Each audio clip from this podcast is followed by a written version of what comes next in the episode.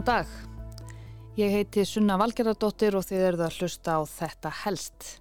Í dag er mánudagurinn 8. ágúst 2022 og það eru um það byrj 25 eldfjöll að gjósa í heiminum á þessari stundu. Einungis eitt kýs hérna á Íslandi en sex eru spúandi til dæmis í Indonésiu. Það meira segja eldgós í gangi á Suðursköldslandinu. Í þætti dagsins ætla ég að skoða gjósandi heimskortið Líta aðeins aftur til hryllingsins í bandaríkjónum árið 1980 þegar eldkeilan í Washington ríki sprakk með hræðilegum afleiðingum og skjótast aðeins til Hollywood í leðinni.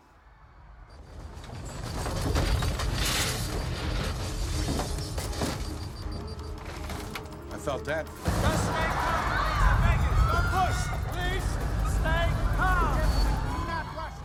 Þó að við Íslandingar skilgreinum okkur eðlilega sem eldfjalla þjóð, búandi á þessu landi, ís og elda og allt það, eru við svo sannarlega ekki eina landið í heiminum sem býr yfir þessu mikla og óutreiknanlega náttúrukrafti undir yfirborði jarðar. Við höfum vissulega átt nokkur fræg gós, kannski helst það sem kom hérna 14. apríl 2010. Eldgós hófst í Eyjafjallajökli í nótt. Það er markvallt stærra en gósið við Fimmörðaháls. Sig dælt yfir myndast við hábungu jökulsins og gós bólstra stíga í 12.000 fett. Rökkvaldur, hvað getur þú sagt okkur nákvæmlega núna? Hver er staðan? Uh, það er eldgós, auðvitað. Eldgósið breytti ísin, bjóð til flóð og stöðvaði flugumferði heiminum. Og eldfjallið með erfiða nafnið varð heimsfrækt nánast yfir nótt. Eyjaflæja, Jakur, Val. Eyjafjallajökull. It's Eyjafjallajökull. Eyjavolik. Huge clouds of ash shot into the air by Iceland's, I hope I'm saying this right, volcano. Eldgósið í Eyjafjallajökli stóð yfir í rúman mánuð og síðan þá höfum við fengið nokkur góð gós en Faradalsfjallið í fyrra var líklega það allra vinsælasta enda aðgengilegt með endemum og streymt frá því beint allan sólarhingin. Og svo var það líka ekki þetta skrýmsli sem bæði Eyjafjallajökull og Vatnajökull gáttu reitt fram. Þetta var rævill jafnvel. Það sem við erum að horfa á er bara ótalum rævill og, og, og, og þetta e, er góður í gangi núna í, í hvað, svo halvan tíma. Bara svona uh, í, í fegurðarskinni, er þetta ekki doldið laglegt yfir að líta? Í, svona höngos er alltaf mjög svona dignaleg en, en þetta er nú uh, ekki stórt. Saði Magnús Tumi Guðmundsson, jarðæðilisfræðingur úr þyrluflugi í síma viðtali við flissandi Brotta Brottason kvöldið sem það byrjaði að gjósa í Faradalsfjalli í fyrra, 19. mars. Rævillin hans Magnúsar Tuma varð eins konar einkennisorð yfir gósið sem hann hefur reynda notað aftur um gósið í Merardölum og sagt að það sé alls ekki jafn mikill rævill og fyrirrennari þess, 5-10 sinnum stærra.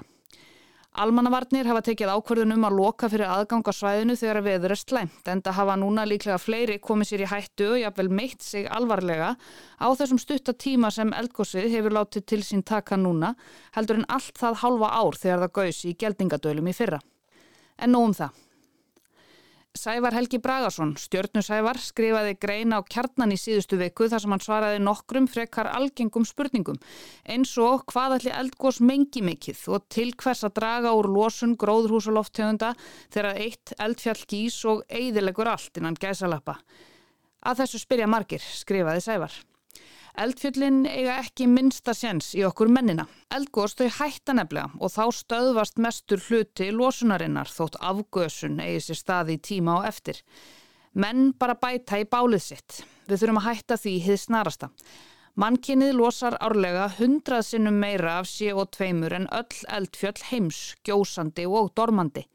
Mannkinnið er þá aðeins þrjá sólarhinga að losa jafn mikið af gróðurhúsaloftegundum og öll eldfjöldjarðar gera á heilu ári.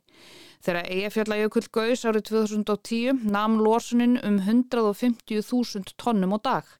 Til að jafna mannkinnið þyrtu ríflega 600 Eyjafjallajökullskós að standa yfir dag hvern allt árið.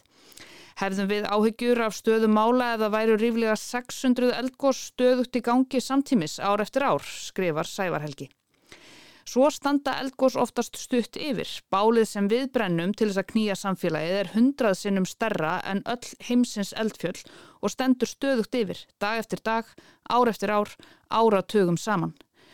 Mannkinnið er búið að raska náttúrulegri ringráskólefnis með bruna jarðefna eldsnetis. Það eikur gróðurhúsa áhrifin. Aukinn gróðurhúsa áhrif breyta loftslæginu til hins verra fyrir okkur. Segjum að gósið í merardölum losi 20.000 tonn af koltvísýringi á dag. Til samanburðar losar mannkinnið ríflega 100 miljónir tonna á dag. Til að jafn okkur þá þyrtu 5.000 merardalagós að standa yfir þessa stundina. Þetta skrifar Sævar Helgi Bragarsson og þá kemur sömulegis fram á þræðunum hans að náttúran taki líka til eftir sig. Kólefnisbindi geta bergsinn sem verður til í merardölum er tíu sinu meiri en kólefnislosun frá sjálfu eldgósunu. Og eins og áður segir þá eru við alls ekki eina eldfjallaegjan í heiminum, langt í frá. Vísinda vefur Háskóla Íslands og reyndar internetið almennt segir að það séu yfirleitt um 20 eldgós í gangi á hverjum tíma og að á plánetunni gjósið að meðaltali 50-60 eldfjall á hverju ári. Ef við kíkjum nú aðeins á síðuna Volcano Discovery sem sínir virk eldfjall heimsins á hverjum tíma kemur margt áhugavert í ljós. Eins og til dæmis að bara í Indonésiu eru 6 eldfjall að gjósa akkurat núna. Í heiminum öllum virðast um 25 fjöll verað að gjósa, flest í áðurnemndri Indonésiu, en líka í Ecuador, Peru, Chile, Kamchatka, Japan, Nicaragua, Guatemala, Mexiko, Eþjópíu, Kongo, Vanuatu og á Hawaii. Það að segja eldgós í gangi á Suðursköldslandinu. Nokkur eldfjöld eru mert sem appelsínugul í heiminum sem þýðir að gós er annarkvort yfirvofandi eða smávegis virkni virðist hafinn. Eldfjallið etna á Sikilei er til dæmis skilgrend sem appelsínugul og svo eru enn fleiri mert gul, askja og grímsvötn á Íslandi þar á meðal sem þýðir að þau eru ekki alveg í kvíld. Unrest er það skilgrend á ennsku, óróleiki. En ef við höldum okkur við þau fjöll sem eru að gjósa akkurat núna þá er farið nokkuð ítarlega mismikið þó yfir stöðuna í hverju og einu eldfjalli fyrir sig á vefsíðunni. Górsinu í Meradölum er til dæmis líst sem eldtjaldi, Curtain of Fire og verist ekki vera á leið í rénun strax. Margir útlendingar hafa förðað sig á viðþorfi Íslendinga til eldfjalla að það sé reyndar einstakt á heimsvísu. Við tölum um þau fallega, við skýrum börnin okkar eftir þeim og dáumst að þeim ógnar eðileggingarkrafti sem fylgir þeim. Þetta benti Sigriður Haglín Björnsdóttir til dæmis á í skáldsögunni sinni, Eldónum, sem fjalla um eldgós á Reykjaneskaganum. Bókin kom út rétt áður en það byrjaði að gjósa þar reyndar. Af jörðu er ég komin, að jörðu skal ég aftur verða, en hugurinn neytar að gefast upp. Hann heldur áfram sínu þráhyggjukenda rausi um heimsendi, varpar upp myndum af húsum sem falla neyri í svarta sprungur, riða andartak á brúninni áður en þau síga hægt á hliðina, leggjast með þungu andvarpi niður í eldin. Húsgögn, málverk, myndaalbum, píjano, örbylgjófnar, allt hverfur undir svarta tunguna sem stendur úr rauðum skoltinum, rennur yfir landið og eigður öllu sem á vegi þess verður öllum minningum og snertingum, barnateikningum og vandlega riksuguðum mottum, allt lítur þessu óseðjandi hungri og hverfur í myrkrið. Þarna heyrðu við Sigriði Halín lesa upp úr skáldsögunni Eldónum fyrir Storytel og Sigriður er auðvitað ekki einum að nýta eldin í yðrum jarðar sem efni við í skáldsögu eða listaverk. Og þau sem hafa lesið bókina vita að það eru aðeins meira en óttalegi replar sem láta til sín taka á reykjaneskaganum í bókinni. Þegar ég var í mentaskóla á Akureyri satt ég jarðfræðitíma eins og aðrir nefendur og var það bæði ljúft og skilt. Kennarin okkar var ekki mikið fyrir það að sína okkur myndbönd en einn tímin er mér nokkuð minnistæður því við fengum að horfa á Hollywood hasarmyndina Dante's Peak með Piers Brosnan í aðalhutverki. Stórt eldfjall, nokkuð líkt Mount St. Helens í bandaríkjunum var við það að gjósa og Brosnan leik þar jarðfræðing á heljar þrömm. So, what's going on in the Cascades? Picking up some activity around Dante's Peak. Now, what do you think the odds are against an eruption up there? Guy Dalton with the U.S. Geological Survey. Oh, from Portland. Yes, your boss called.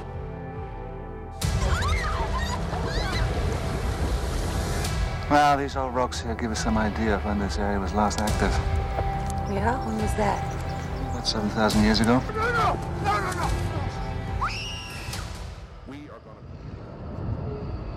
It turns day into night. Air into fire. Nothing in the world can compare to its power.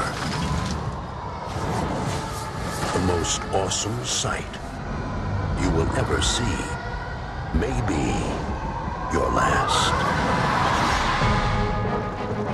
In the town of Dante's Peak, a volcano is turning nature into a nightmare. Come on!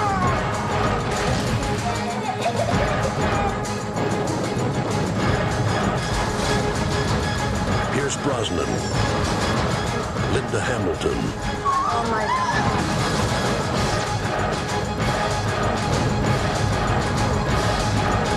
Dante's Peak. The pressure is building. Við mennskellingarnir fengum ekki að horfa á þennan mikla tíunda áratugs klassíker sem verðlaun fyrir góða hegðun heldur fullirti kennarin okkar að jarðfræðin í myndinni væri bara nokkuð nærri lægi. Dante's Peak byggir nefnilega á sönnum atbörðum, sprengi gósinu mikla í Mount St. Helens í Washington ríki í Bandaríkjónum árið 1980. Frægasta eldgós Bandaríkjana á byggðum tíma líklega. Fjallið heitir reyndar Luwala Klá á málum frumbyggja svæðisins og er staðsett tæpa 100 km söður af Seattle og 80 km norðaustur af Portland í Oregon og það er hluti af Fossafjöllum. Mount St. Helens er talið vera um 40.000 ára gamalt og er yngra heldur en aðrar eldkeilur í fjöllunum. Fjallið dregur nafnsitt frá Lord St. Helens, breskum embætismanni og vini George Vancouver, flótafóringja. Þetta segir Wikipedia. Mount St. Helens hefur gósið tíðast eldkeilna fossafjalla síðustu 10.000 ár. Fjallið er þekktast fyrir eldgóð sem átti sér stað þann 18. mæ árið 1980 þegar það sprakk með þeim afleiðingum að hæðin á því fór úr 2950 metrum niður í 2549 metra. Í gust hlaupinu sem fyldi léttust 57 250 heimili og 47 brýr eðilöðust. Einnig eðilöðust vegir og játbröytarteinar. Um 7000 stór spendir drápust og af þeim 57 sem fórust voru aðeins fjóri sem voru innan bannsvæðis en jarðskjáltar höfðu verið í fjallinu fyrir gósið. Síðasta stóra gósið fyrir hamfara gósið 1980 varð árið 1843 og eftir 1857 virtist fjallið alfarið hætt að gjósa. Jökull hefur myndast í kvelvingunni í gignum eftir gósið 1980 og kallast hann Crater Glacier. Smarri gós hafa verið á 21. öld. Og Luwala Klá rumskaði vel haustið 2004. Þá settist Bergljót Baldurstóttir, fréttamaður á rás 1, niður með freysteini Sigmundsinni jarðfræðingi til að ræða þetta merkilega eldfjall. John Kerry fórsetaframbjóðandi hafði orð á gósinu sem varði í fjallinu í síðustu viku í ræðu sem hann hjælt í Pittsburghum svipa leiti. Þar sagðan að George Bush hafi ekki gert neitt þó svo eldfjallið hafi gósið á meðan hann var á vaktinni eins og hann orðaði það. Fullir því Kerry að Bush væri svo upptekin af Írak að hann tæk ekki eftir því þegar St. Helens færi að gjósa. Frá þessu var sagt í bandaríska tímareitinu Newsweek. Freisteit Sigmundsson, jarðeðlisfræðingur á Norræna eldfjallasetrinu, jarðvísindastofnun Háskólans, fylgist vel með því sem er að gerast við eldfjallið. Hann segir að stjórnvöld í bandaríkjunum hafi dreyið úr fjárveitingum til jarðvísindastofnunar bandaríkjana sem skýrir eftir vill orð kerrís. Hins vegar hafi þessi niðurskurður ekki orði til þess að draga úr vöktun á svæðinu í kringum fjallið. Jarðeðlisfræðingar höfðu greint hræringarðar og voru búinir að segja fyrir um eldgósið og gefa út viðvörun áður en gós hófst. Það sást uh, um, um tveim dögum fyrirfram, þá byrjaði uh, kraftur hérna smára jarðskjálta í jarðfjallinu. Uh, miklu meirir hinn en mann hafði séð í langan tíma þarna, margið skjáltar á hverju mínundu grönt í fjallinu og menn tengdu það strax við kvikurhefingar að ný kvika var að streyma inn í allt fjallið. Hvernig er staðan í fjallinu núna? Uh, síðan þessi atbyrðarás uh, byrjaði, sem fyrsta sprenging þarna 1. oktober, þá hefur komið í ljós að það er áframhaldandi kvikurhefingar. Það eru, hafa skipst á, á tíumbild þar sem að góðsir leikur neðri og uh, sprengingar, uh, gufu og öskusprengingar sem hafa náð um 1-2 km upp fyrir fjallið. En uh, kvika streymir þarna upp þar að þetta fjallið sérstakt, þetta var mjög formfjóður eldkeila fyrir eldgósið stóra 1980 þegar þessi eldkeila hrundi. En síðan hefur verið að byggjast upp nánast uh, önnur annað fjall þarna inn í þessu mikla eldfjalli sem er svo kallar gull uh, það er bergvika sem kemur upp auðvitað en hún er svo seg, hún er ekki að renna og það er að hlæðst upp þarna gull og þessi gull hann hefur verið að stakka í þessu eldgósi það er sem bæst við hann þá að það sé ekki sprengingar þá er hann að stakka og það er afmarkaður hluti af þessum gúl sem hefur uh, riðsið með um eina hundra metra þar sem að ný bergvika kemur upp á yfirborðið Þetta var Freysteit Sigmundsson, jarðveðlisfræðingur Bergljóð Baldurstóttir talaði við hann um virknina í St. Helens í Washington rík í Bandaríkunum.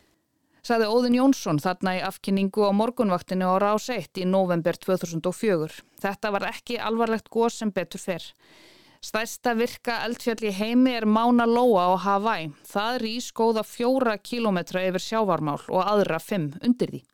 Vísindamenn eru nú á fullu að kortleggja hvernig það geti farið ef það gís, en látum það ósagt hér. Bandaríkinn tróna í þriðja sæti á heimsvísu þegar það kemur að fjölda virkra eldfjalla. Indonesia sem er með eins og framkom áðan með sex stykki spúandi núna með flest virk eldfjöll og svo kemur Japan í öðru sæti. Eins og staðinu núna erum við Íslendingar með þrjú eldfjöll sem eru annarkvort að gera sig líklegt til að gjósa eða eru bara í fullu fjöri. Barnagælurnar Hekla og Katla eru auðvitað í starthólunum eins og ítrekkað hefur komið fram í fréttum. En ég ætla að láta þessari eldgósa yfirferðu lokið í byli, þetta verður líklega ekki svo síðasta hér í þetta helst. En takk fyrir að leggja við hlustir og við heyrumst aftur á morgun.